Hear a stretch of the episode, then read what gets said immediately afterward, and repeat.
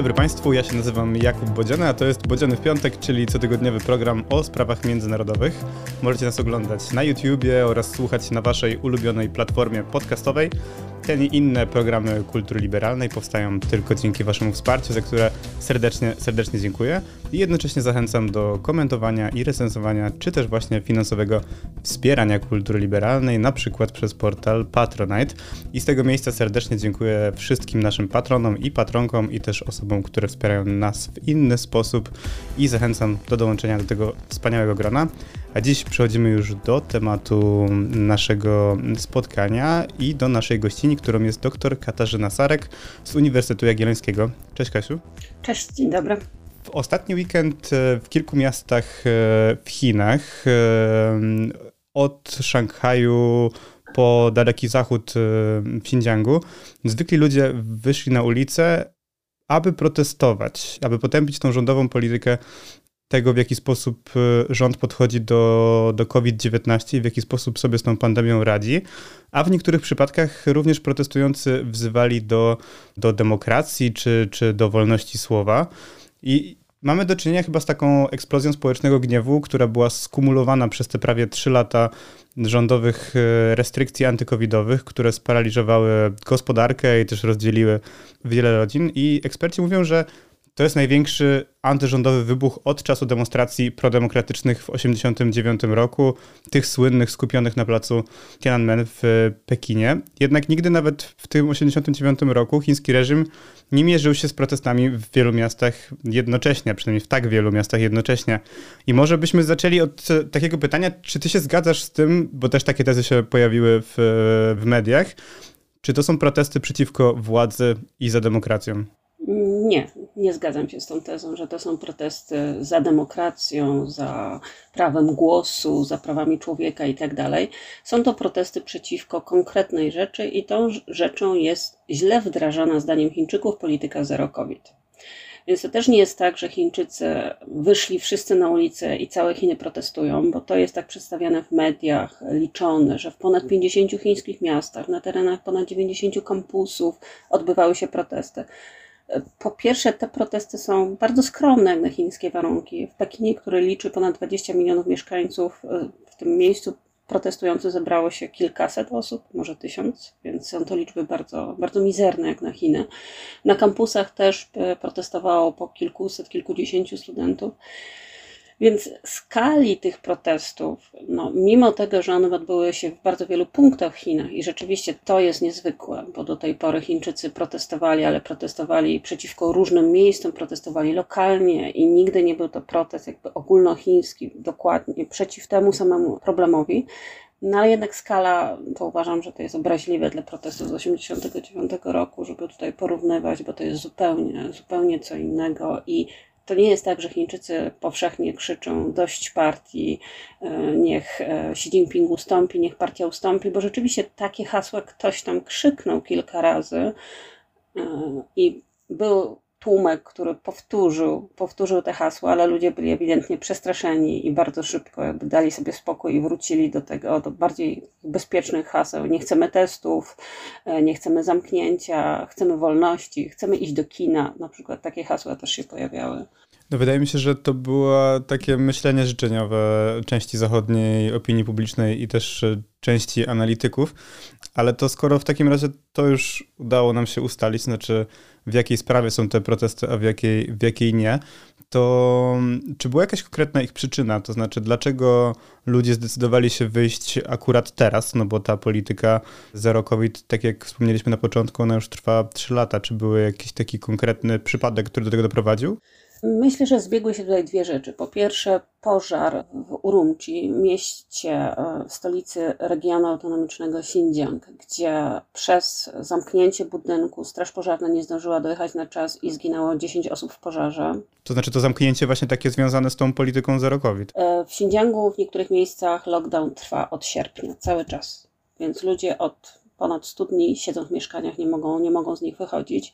I Straż Pożarna podobno nie mogła dotrzeć na czas, dlatego że były zamknięte bramy, były przeszkody ograniczające fizyczny dostęp do tego osiedla, e, potem były samochody elektryczne rozładowane, które blokowały dojazd wozu strażackiego do budynku, były zamknięte drzwi na łańcuch i tak dalej, i tak. To wszystko sprawiło, że całkowicie bez sensu i niepotrzebnie zginęło, zginęło 10 osób. To był pierwszy taki mm, punkt zapalny, o którym Chińczycy się dowiedzieli pomimo cenzury mediów i pomimo ograniczenia rozpowszechniania tej informacji. To po pierwsze. A po drugie, e, w ostatnim tygodniu w Chinach zaczęto rejestrować zwiększoną liczbę zachorowań na, na COVID. I Chińczycy boją się, że oto nadciąga kolejny wielki lockdown, który zamknie mnie w mieszkaniu na 2-3 miesiące, podczas którego będą kłopoty z zaopatrzeniem, podczas którego mogę stracić pracę, podczas którego moje dzieci znów nie będą mogły wyjść nawet na podwórko, żeby się pobawić. Już nie mówiąc o szkole, która w bardzo wielu chińskich miastach no, jest właściwie cały czas zamknięta. Dzieci rzadziej chodzą do szkoły niż do niej nie chodzą, więc cały czas odbywa się tylko online no, co jak łatwo, łatwo zrozumieć, że dla chińskich rodziców no, jest to wizja bardzo taka mroczna, bo nie dosyć, że trzeba pracować, zajmować się domem, to jeszcze trzeba dopilnować tego dziecka, żeby się uczyło. W przypadku młodszych dzieci, przedszkolaków, no to wtedy ta praca staje się naprawdę dużym wyzwaniem. Więc te dwie informacje, które z jednej strony jakby tutaj uświadomiły Chińczykom, że to, czego się boją najbardziej, to jest właśnie pożar. To jest coś, o czym Chińczycy zawsze mówią, że jeśli budynek będzie zamknięty, nie będzie dojazdu, będą blokady. Jeśli wybuchnie pożar, to co wtedy? No i przekonali się, że wtedy być może zginą i tak po prostu będzie, bo tak zadecydowały władze. A po drugie, znów nadciąga lockdown i to nie jest pierwszy, to nie jest drugi, to nie jest trzeci. I nawet jeśli państwo nie ogłosi lockdownu w całym mieście, jak na przykład w Pekinie obecnie, to komitety osiedlowe nakładają lockdown po prostu na osiedla. I w tym momencie zdecydowana większość mieszkańców Pekinu jest pod jakiegoś rodzaju lockdownem, mniej lub bardziej surowym. I, i nawet nie trzeba wprowadzać ogólnomiejskiego, żeby doświadczyć na własnej, na własnej skórze, co to wygląda. Bardzo, bardzo wielu studentów nadal jest zamkniętych na kampusach i dla studentów jest to kolejny, kolejny raz, więc ludzie po prostu psychicznie są już tak wymęczeni i tak, i tak mają dość, że przestają się już bać konsekwencji no, krzyczenia i mówienia głośno, że no już mamy dość, już mamy dość tej polityki zero COVID. I ostatni taki katalizator, który tak w mediach krążą takie informacje, rzeczywiście są Chińczycy, którzy nagrywają takie gniewne wypowiedzi i publikują w sieci. Mundial, kiedy Chińczycy zobaczyli, że ludzie są na trybunach bawią się bez maseczek, blisko siebie. Tak, to, tam była nawet taka sytuacja i to akurat prośba do ciebie o zweryfikowanie tego, bo ja wiedziałem to tylko w jednym źródle, że podczas gdy, mundial był jakoś transmitowany, tylko właśnie nie wiem, czy to było przez oficjalne chińskie media, czy, czy też nie, że te trybuny były w takim rozmyciu, także jakby nie było za bardzo widać osób, które tam siedziały, właśnie po to, żeby chińscy obywatele nie widzieli tego, że tam są osoby bez maseczek. Tak, ale to się zaczęło, zaczęto to robić po protestach. Do protestów było normalnie i Chińczycy mogli w szoku i niedowierzaniu popatrzeć, że są ludzie z całego świata zebrani, którzy siedzą blisko siebie, bez maseczek, e, ściskają się, krzyczą na głos i w ogóle się nie boją COVID-a. No i mogą wyjrzeć przez okno i zobaczyć tutaj panów w białych kombinezonach, którzy znowu zamknęli bramę osiedla i znów nie można wyjść. Więc kontrastowanie tych dwóch światów, jakby uświadomienie Chińczykom, że są ostatnim krajem na świecie, który prowadzi właśnie taką politykę zero COVID za pomocą lockdownów i bardzo surowych ograniczeń, no to już było takim ostatnim kamyczkiem, który przeważył tą szalę gniewu i frustracji, która wybuchła i w internecie, i częściowo na ulicach chińskich miast. Tak, my o tej polityce zero COVID rozmawialiśmy bezpośrednio z Weroniką Truszczyńską jakiś czas temu, która właśnie była w Szanghaju objętym e, tym lockdownem, czy tą taką ścisłą kwarantanną i właśnie ta polityka ma takie dwa ramiona, to znaczy zarówno to takie technologiczne ramię związane z kodami QR obowiązkowymi, które każdy musi posiadać na, na telefonie i tam się skanuje te kody, chcąc wyjść albo wejść do konkretnych miejsc i w zależności od tego, czy tam pojawi się kolor zielony, żółty czy, czy czerwony, no to my możemy do takiego miejsca wyjść albo z danego miejsca e, do danego miejsca wejść. No i to drugie ramię, czyli to związane z tym, o czym ty wspominałaś, Kasiu, czyli kwestią komitetów sąsiedzkich. To są, rozumiem, takie zarządy wspólnot, które po prostu zyskały ogromne kompetencje od pandemii, tak? Zdecydowanie tak. E, bardzo często osobami, które zarządzają w tych komitetach są osoby będące członkami partii które można powiedzieć, że odzyskały taką władzę, jaką miały w czasach rewolucji kulturalnej. Partia wróciła do życia codziennego obywateli, bo do tej pory Chińczycy, no, duża część z nich oczywiście jest członkami partii, musi przechodzić jakieś kursy, szkolenia, uczestniczyć w zebraniach partyjnych, ale jakby była to taka sfera bardziej zawodowa, nie prywatna. Jeśli człowiek nie mieszał się w politykę, po prostu sobie żył, chodził do pracy, odprowadzał dziecko do szkoły, to ta partia właściwie była tak trochę obok i nie ingerowała w jego życie osobiste, w życie prywatne. A w tym momencie podstawowa komórka partyjna, rządząca jego osiedlem, stała się właściwie panem życia i śmierci. I wszyscy Chińczycy jakby poczuli, że partia jest tuż obok mnie, stoi za moimi plecami, przy moim ramieniu, czuwa nade mną, obserwuje każdy mój ruch, kontroluje wszystkie informacje, które rozsyłam do znajomych, blokuje moje konto, jeśli udostępni informację, która zostanie uznana za niewłaściwą. I właściwie Chińczycy jak się przekonali, że jednak partia ma bardzo mocny wpływ na życie osobiste, nawet jeśli jest się dobrym obywatelem i nie robi się nic złego i nie ma się żadnych wywrotowych myśli, czy nie daj Boże czynów. Więc ta, ta władza, która wróciła jakby do, do tych najniższych poziomów organizacji partyjnej jest naprawdę olbrzymia. I jak to zazwyczaj bywa w takich przypadkach, część tych ludzi tą władzę wykorzystuje rozsądnie, a część przekracza swoje uprawnienia i robi rzeczy, które są po prostu bezprawne. No właśnie, ty wspomniałaś o, o tym, że, że partia wróciła do, do życia codziennych Chińczyków, bo wcześniej mieliśmy do czynienia z taką swoistą umową społeczną właśnie po 1989 roku, mniej więcej do, do tego, jak Xi Jinping przyszedł do władzy. Oczywiście pewnych rzeczy nie można było robić, ta wolność polityczna była ograniczona, natomiast e, Chińczycy mogli w dużym stopniu żyć normalnie, to znaczy zakładać biznesy, zarabiać pieniądze, czy mm, udzielać się jakoś artystycznie. To się powoli zaczęło zmieniać właśnie po dojściu Xi Jinpinga do władzy i do zaostrzania tych, tych tendencji i tego ograniczania właśnie różnego rodzaju wolności od artystycznych po, po polityczne czy, czy społeczne. Natomiast to wszystko się wiązało z tym, że możecie robić określone rzeczy, bo partia zapewnia wam, zapewnia wam dobrobyt. I zobaczcie, demokracja była kojarzona z jakimś chaosem, z niedostatkiem, z, z anarchią. I czy jest tak, że te protesty pokazują w jakiś sposób, że Xi Jinping może złamał tę umowę społeczną? Znaczy, że nie do końca wywiązuje się z tego, co obiecał, bo jednocześnie Chińczycy nie mają wolności, a z drugiej strony ten sukces gospodarczy no nie jest y, już do końca dotrzymywany. To jest takie dosyć trudne pytanie i nie jestem pewna, czy jestem w stanie na nie odpowiedzieć, bo to jest coś, co dzieje się teraz i e, bardzo dużo zależy od tego, jak władza zareaguje na te protesty, a okazuje się, o dziwo, że władza potraktowała ten głos oburzenia społecznego dość poważnie. I z tego, co piszą znajomi mieszkający w Chinach, co czytam w mediach, nagle się okazało, że żeby być przyjętym do szpitala albo móc pojechać metrem w Szanghaju czy w Pekinie, nie trzeba mieć testu sprzed 24 godzin, ale nawet można mieć sprzed 48 godzin, co jest dużym, dużym postępem w porównaniu z tym, co było.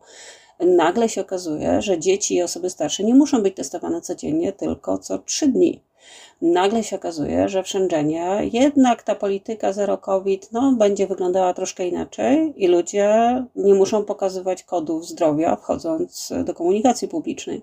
Więc widać, że tutaj władza chyba rzeczywiście potraktowała to bardzo poważnie, ten no, rzadki w społeczeństwie chińskim głos oburzenia i te restrykcje rzeczywiście są luzowane. Więc jeśli uda się zluzować restrykcje na tyle, żeby Chińczycy no, odetchnęli i mogli jakoś w miarę normalnie żyć, a równocześnie nie dopuści się do tego, że wybuchła wielka fala zachorowań, bo Chińczycy przez trzy lata karmieni tutaj informacjami, że Zachód jest zły, bo pozwala na śmierć obywateli, a my jesteśmy dobrzy, kolektywni i dbamy o starszych i się o nich troszczymy. Jesteśmy gotowi na pewne wyrzeczenia po to, żeby ocalić życie milionów ludzi, jeśli ci ludzie rzeczywiście zaczną umierać, no to wtedy dla władzy to będzie jeszcze, jeszcze gorsza sytuacja. Więc tutaj jest takie balansowanie na bardzo naprężonej linie i nie wiem, czy władzom chińskim uda się z niej nie spaść, żeby jednak trochę poluzować, żeby ludzie mogli żyć i prowadzić biznesy i nie bankrutować i mieć pracę i żeby dzieci jednak miały szansę przebywać z rówieśnikami, a nie tylko z ekranem i z rodzicami, z dziadkami, a z drugiej strony nie doprowadzić do dużej fali zachorowań, która w społeczeństwie chińskim bardzo poważnie traktującym COVID i ciągle takim podchodzący do niego jako do szalenie niebezpiecznej, groźnej choroby śmiertelnej, która będzie zabijać ludzi na ulicach, no żeby tutaj to zbalansować, bo są bardzo takie sprzeczne oczekiwania. Chińczycy chcą mieć ciastko i zjeść ciastko. Nie chcą ograniczeń, ale nie chcą zachorowań. Więc no, nie da się tego w pełni zrealizować i jak niepotężna jest władza partii w Chinach, to myślę, że nawet, nawet dla niej jest to rzecz nieosiągalna, więc to jest kwestia tego balansowania strat, strat i zysków, tak żeby trochę dać, ale za dużo nie stracić. Czy się to uda? No, będziemy to widzieć przez najbliższe tygodnie. Tak, no właśnie to jest y, ciekawe, że faktycznie my już o covid myślimy.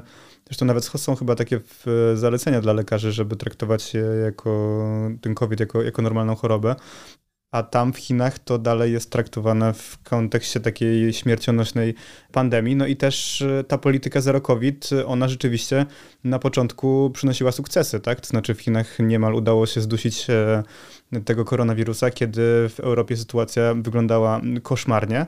Natomiast tam jeszcze jest ta kwestia tych szczepień, e, o których ty wspominałaś, bo Chińczycy, jak rozumiem, ciągle są szczepieni tylko szczepionkami chińskimi, które wcale nie są tak skuteczne, jak to partia zapowiadała, ale też e, nie tak dużo osób jest zaszczepionych. Także rzeczywiście rozumiem, że zdjęcie tych, e, tych restrykcji związanych z polityką zero COVID mogłoby skutkować po prostu wybuchem, kolejnym wybuchem pandemii. To jest wręcz pewne, że jeśli zostaną zdjęte wszelkie ograniczenia, wtedy pojawi się ta fala, która przez nas przetoczyła się powiedzmy dwa lata temu czy rok temu. I tutaj krytycy, nawet wewnątrz, wewnątrz Chin, chińscy naukowcy mówią, że Chiny zaniedbały dwie rzeczy. Zaniedbały zmuszenie obywateli do szczepień, co też mówią niektórzy z goryczą, że są w stanie zmusić dziesiątki milionów ludzi, żeby przez trzy miesiące nie wychodziły z domu, a nie są w stanie zmusić chińskich seniorów do tego, żeby się zaszczepili. To mnie dziwi, szczerze mówiąc, bo myślałem, że, że tam będzie taka dyscyplina społeczna. Widzieliśmy na przykład tą dyscyplinę w przypadku testowania, kiedy na przykład testowano kilkaset tysięcy osób w ciągu, w ciągu zaledwie paru dni i tego samego nie udało się zrobić e, ze szczepieniami? Nie udało się. I tutaj akurat państwo chińskie nie pokazało swojej, swojej mocy i swojej siły przymusu, co też jest tak kulturowo trochę dla nich trudne, ponieważ osoby starsze w społeczeństwie chińskim cieszą się dużym szacunkiem, więc Gdyby do, w mediach zaczęły pojawiać się obrazki, że jakąś babcię tutaj wloką ci panowie na obowiązkowe szczepienia, ta babcia macha kijkiem i, i płacze, nie róbcie mi tego, no dla władzy wyglądałoby to bardzo źle, bo należy szanować starszych i tutaj nie wolno ich do niczego zmuszać. Po drugie, trochę też rozbudowano taką narrację, że jeśli zaszczepią się ci młodzi i zdrowi, dla których ewentualne powikłania szczepionkowe są jakby mniej groźne, to wtedy ci starsi będą chronieni, więc już właściwie nie ma takiej wielkiej potrzeby do tego, żeby osoby starsze się szczepiły. I też dużo starszych osób mieszka na prowincjach, na wsiach, gdzie no, ten władza działa słabiej i nie ma takiej możliwości nacisku jak w dużych miastach, bo jak ktoś mieszka na wsi, to on może mieć w nosie to, że ma czerwony kod zdrowia, bo on i tak nie jeździ komunikacją publiczną, prawda? I nie chodzi do banku, i nie chodzi do restauracji, więc może sobie mieć i się tym nie przejmować, więc nie ma tutaj tej, tego narzędzia przymusu, nie ma tego kija, a marchewka też okazała się trochę zwiędła i mała, mała atrakcyjna. Skutek tego jest taki, że chińscy seniorzy są słabo wyszczepieni, ponadto ostatnia duża kampania taka szczepionkowa miała miejsce wiosną, czyli minęło już kilka miesięcy, a jak wiemy, ta szczepionka z czasem słabnie, jej siła jakby bronienia przed wirusem. A dodatkowo dodając to, co już powiedziałeś, że ta chińska szczepionka jakby od początku ma słabszą moc działania niż szczepionki zachodnie, a ze względów prestiżowych też władze chińskie nie chcą kupować szczepionek zachodnich i nimi szczepić swojego społeczeństwa. No więc mamy tutaj kilka czynników, które się złożyły na to, że grupa chińskich seniorów jest najsłabiej wyszczepioną grupą wiekową i jeśli rzeczywiście ta fala COVID-u się pojawi, to rzeczywiście tych zgonów będzie dużo i będzie dużo osób, które będą musiały nagle zostać e, przyjęte do szpitala.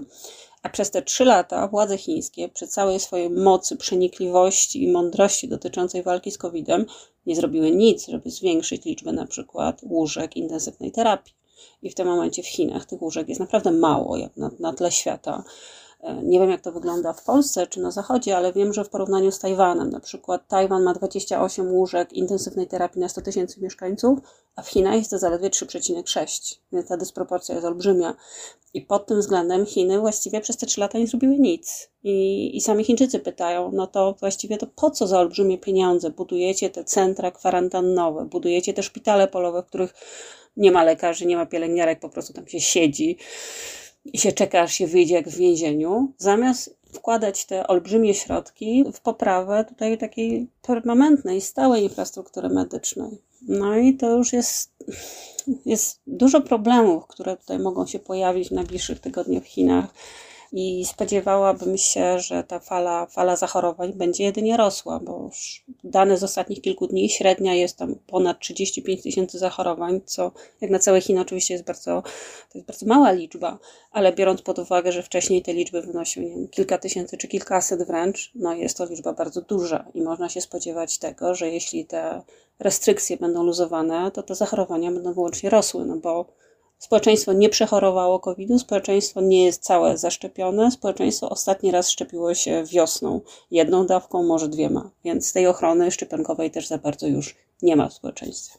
Czy to jest potencjalnie sytuacja, która mogłaby zaszkodzić e, pozycji Xi Jinpinga? Bo rozmawialiśmy też kilka tygodni temu z e, profesorem Krzysztofem Kozłowskim z, z SGH, właśnie po tym e, słynnym, przełomowym 20. zjeździe Komunistycznej Partii Chin, gdzie mówiło się o tym, że Xi jest no, nowym Mao, nowym cesarzem, różnego rodzaju medialne metafory były, były używane, ale że faktycznie ta jego władza jest bezprecedensowa i jego pozycja w partii jest bezprecedensowa. A z drugiej strony, to co mówiliśmy na początku o tym, że rzeczywiście takie protesty w Chinach, one czasem wybuchają, natomiast zazwyczaj dotyczą kwestii lokalnych, na przykład związanych z kwestiami zanieczyszczeń, czy właśnie ochrony środowiska, ale tutaj mamy kwestię politykę, którą firmuje sam przywódca, tak? No bo rozumiem, że w takim wewnątrzchińskim rozumieniu to również Xi Jinping jest autorem wcześniej tego sukcesu polityki zero COVID, a teraz tej porażki.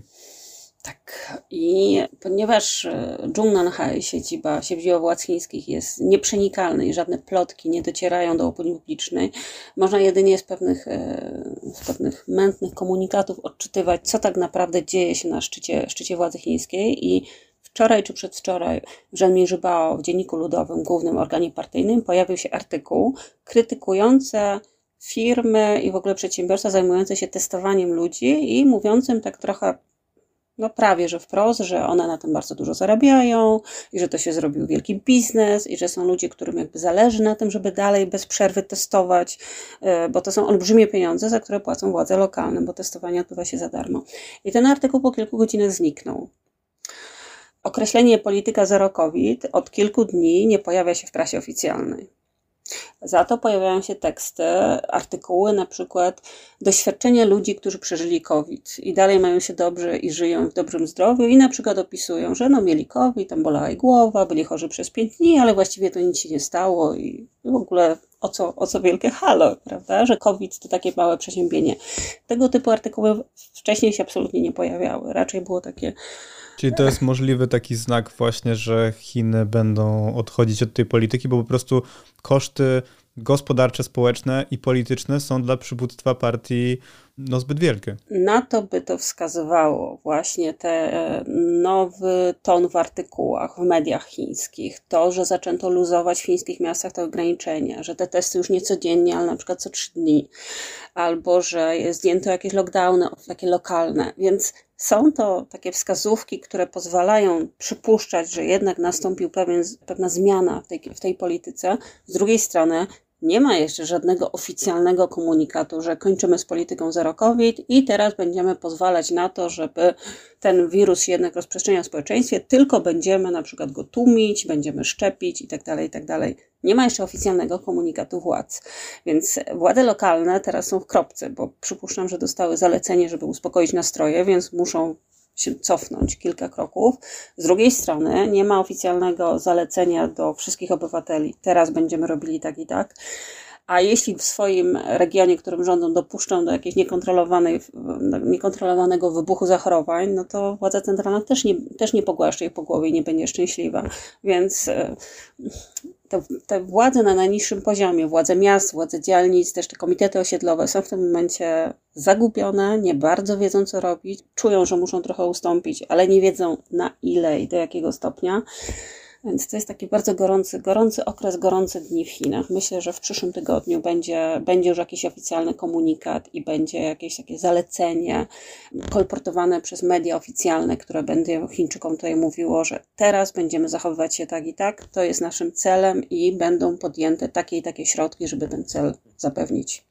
A powiedzmy jeszcze na koniec o tych samych protestach i protestujących, bo wydaje mi się to bardzo ciekawe, ponieważ no, wiele mówi się o, tej, o tym systemie chińskiej cenzury też internetowej, no, braku dostępu do, do zachodniego internetu, przynajmniej w większości.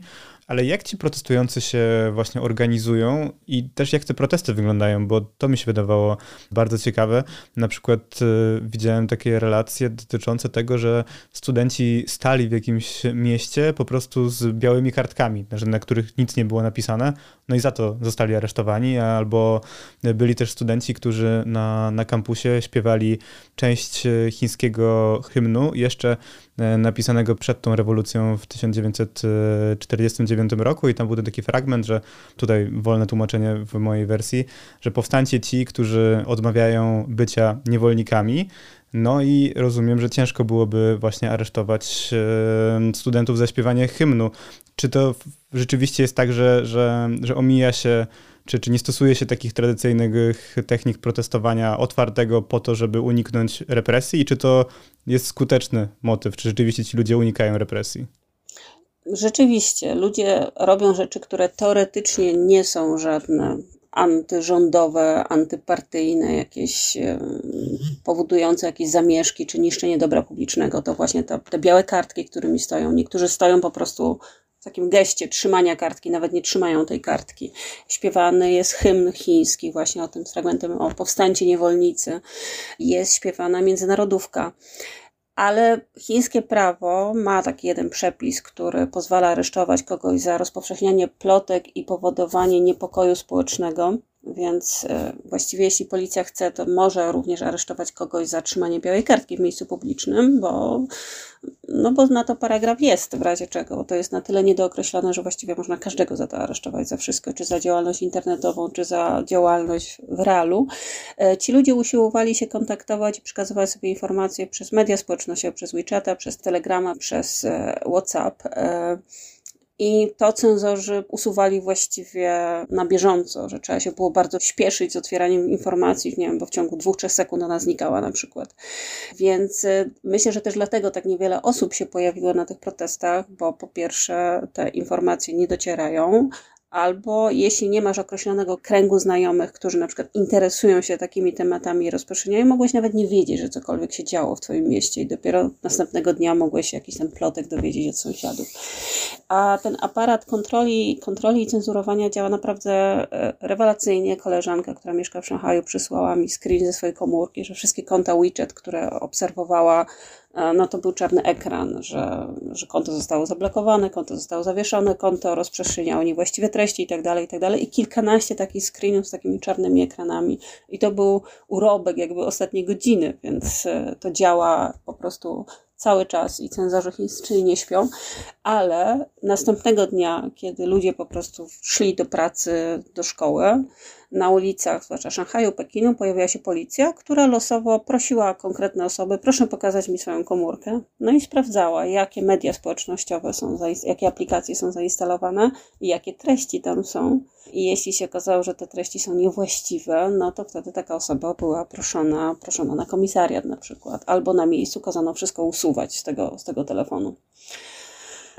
Więc to też nie jest tak, że tutaj internet daje jakąkolwiek anonimowość w Chinach, bo w Chinach nie można korzystać z internetu ani z telefonu anonimowo. Trzeba zawsze być zarejestrowanym za pomocą swojego dowodu osobistego, osobistego ID, więc um, każde logowanie się do sieci komórkowej, każdy wpis w internecie jest powiązany z konkretną jednostką, więc nie można działać anonimowo co też bardzo tonuje nastroje rewolucyjne. Tak, tam jeszcze była kwestia używania takiego slangu właśnie w, w mediach społecznościowych, też takiego dwuznacznego, no bo tak jak mówisz, w sumie i tak można byłoby te osoby aresztować, ale tam była kwestia tego, że tutaj poprawnie, bo ja po chińsku niestety nie mówię, natomiast była kwestia dyskutowania o skórkach z banana i o jakichś krewetkach, taki sposób, że zarówno te, te, dwa, te dwa wydarzenia brzmią podobnie, jeśli chodzi o, o imię i nazwisko e, Xi Jinpinga. Takich gier jest pełno w Chinach i one właściwie przy każdej okazji się zmieniają, ponieważ cenzorzy reagują, jakby też nie śpią, prawda? I od razu widać z kontekstu, o kogo chodzi, więc takie, takie słowa są usuwane, ale nawet gdy Chińczycy próbują e, w ten sposób e, jakby ironicznie już tak podchodzić do tego, że na przykład pojawia się jakiś oficjalny komunikat władz i ludzie postują hao, hao to znaczy dobrze, i piszą na przykład 50 razy dobrze. No więc to słowo dobrze zaczęło być cenzurowane w pewnym momencie, więc Chińczycy zaczęli pisać źle, huaj, huaj, huaj, huaj. To też zaczęło być cenzurowane, więc potem zaczęli pisać niedobrze, nieźle na przykład. No więc, więc to są takie, i to są takie bardzo efemeryczne słowa, które pojawiają się przy konkretnych, w konkretnych dniach właściwie, a potem, ponieważ już są spalone przez cenzurę, muszą być wymyślane nowe, wymyślane nowe. I ostatnio już Chińczycy, dzisiaj widziałam coś takiego, że już nawet nie piszą znaków, bo wszystko już jest cenzurowane, tylko stawiają znaki zapytania. Czyli kilka tysięcy osób pod oficjalnym komunikatem władz odpowiada, wpisując kilka, kilkanaście, kilkadziesiąt znaków zapytania. Więc to są takie formy protestu, które Chińczycy no, stosują, ponieważ wszystko inne bardzo szybko znika i myślę, że to też też pokazało trochę Chińczykom, jak bardzo ta władza potrafi ingerować w ich życie, że nawet nie dopuszcza ich do tego, żeby mogli w internecie swoją złość wyrazić. Co uważam, że no, jest trochę takie krótkowzroczne, bo jeśli zamknie się ludziom wszystkie kanały wyrażenia niezadowolenia, no to ta, ta złość nie znika. Ona się po prostu kumuluje w ludziach. Nie ma tego wentyla bezpieczeństwa, prawda? Nie ma właśnie tego wentyla bezpieczeństwa, że gdyby pozwolić Chińczykom wyjść na ulicę i trochę sobie pokrzyczeć, no to by po kilku godzinach zmęczeni wrócili do domu, mieli poczucie, że coś zrobili, e, zareagowali, mają jakąś sprawczość, a tak mają poczucie, że no właściwie nic nam nie wolno. I o tym jeszcze nie mówiliśmy. Chińscy studenci zagraniczni, którzy studiują w różnych miejscach na świecie, po raz pierwszy, odkąd w ogóle pamiętam, zaczęli demonstrować pod swoimi placówkami dyplomatycznymi. To się nigdy nie zdarzało do tej pory. Chińscy studenci wiedzą, że oni tam również są obserwowani, że ambasada czy konsulat pewnie nagrywa i z wewnątrz tłumu, i z zewnątrz wszystkich uczestników, ale oni mówią z goryczą, że właściwie, ponieważ są za granicą, to mogą w ogóle demonstrować, bo gdyby byli w Chinach, nie mogliby. Więc to też jest taki, taki trzeźwiący i bolesny moment dla wielu chińskich obywateli, którzy w zdecydowanej większości popierają swoją władzę i uważają, że partia rządzi dobrze i że Chiny idą w dobrym kierunku. Również ci, ci młodzi ludzie, prawda? Ci młodzi nawet chyba bardziej niż starsi. Chińska młodzież jest bardzo nacjonalistyczna i bardzo prorządowa w zdecydowanej większości. I tutaj jakby po raz pierwszy są tacy, czują się zdradzeni i rozczarowani zachowaniem swojego kraju, który radził sobie świetnie, zawsze mogli być dumni z niego, zestawiać go z tą właśnie z, tą, z tym chaosem i anarchią Zachodu, e, z tą e, indywidualistyczną demokracją, która pozwala na to, żeby jak w Stanach Zjednoczonych zmarło tak dużo starszych osób, jest pozbawiona solidarności, pozbawiona takiej empatii wobec osób starszych i słabszych. No a tu się okazuje, że jednak, że jednak, e, jednak prawa człowieka w Chinach są łamane i są łamane już w takim stopniu, że oni nawet nie mogą mówić o tym, że są łamane. Poza tym już można, można mieć poważne problemy. Więc to jest taki trochę gorzki moment dla wielu osób, dla wielu Chińczyków, którzy autentycznie swoją władzę popierają i do tej pory byli stuprocentowo przekonani, że ta władza robi dobrze i rządzi dobrze i długofalowo wychodzi to wszystkim obywatelom chińskim na korzyść. Teraz mają poczucie, że jednak nie do końca. Czy te protesty według Ciebie mają jakąś przyszłość, to znaczy, czy mają, czy mają potencjał do, do eskalacji, czy do jakiejś takiej politycznej kumulacji przeciwko rządowi? Czy to jest tak, że one były? Rząd prawdopodobnie zareaguje, tak jak mówiłaś, czekamy pewnie w przyszłym tygodniu, będziemy wiedzieć coś więcej z tych oficjalnych komunikatów. Jak ty oceniasz potencjał tych protestów i, i ich zagrożenie dla władzy w dalszym, w dalszym czasie? Biorąc pod uwagę skuteczność aparatu nadzoru i kontroli w Chinach, nie spodziewałabym się kumulacji. Mogą być jakieś zamieszki, zwłaszcza w przypadku wielkich fabryk, na przykład Foxconnu, e, czy jakichś dzielnic przemysłowych, gdzie są ludzie zamknięci, którzy po prostu stracili pracę i oni już nie mają na przykład pieniędzy na jedzenie w czasie lockdownu i oni już nie mają wyboru, bo po prostu wiedzą, że umrą z głodu, jeśli, jeśli nie zaczną protestować. Poza takimi bardzo drastycznymi sytuacjami nie spodziewam się protestów, zresztą już ich właściwie w tym tygodniu nie było. Tam na południu w kantonie były jakieś takie zamieszki, ale to bardziej chodziło o to, że e, no właśnie robotnicy, którzy od chyba dwóch miesięcy są zamknięci, już po prostu skończyły im się, skończyło im się jedzenie, skończyły im się pieniądze, więc właściwie już nie mieli nic do stracenia. Ale to, że znowu będą protesty w Pekinie, w Szanghaju, w Chengdu, w Wuhanie, no władza raczej do tego nie dopuści. Wszystkie miejsca, w których mogliby się ludzie zbierać, e, jeśli pojawia się jakaś informacja, to może zbierzmy się i spotkajmy się tu, to zanim ludzie tam zdążą dojechać, to już tam stoi kilkadziesiąt wozów policyjnych, stoją bariery, stoją policja i nawet nie dopuszczają do tego, żeby ludzie mogli się zebrać, więc ja bym się tutaj nie spodziewała eskalacji, a raczej takiego wygaszenia, wyciszenia, tym bardziej, że władza trochę ustąpi i Chińczycy będą mieli poczucie, że no jednak coś się dzieje i że nie ma tego strasznego lockdownu i że jest trochę, trochę lżej żyć i raczej w tą stronę to pójdzie moim zdaniem. Myślę, że tym dzisiaj zakończymy i oczywiście będziemy dalej obserwować tę sytuację.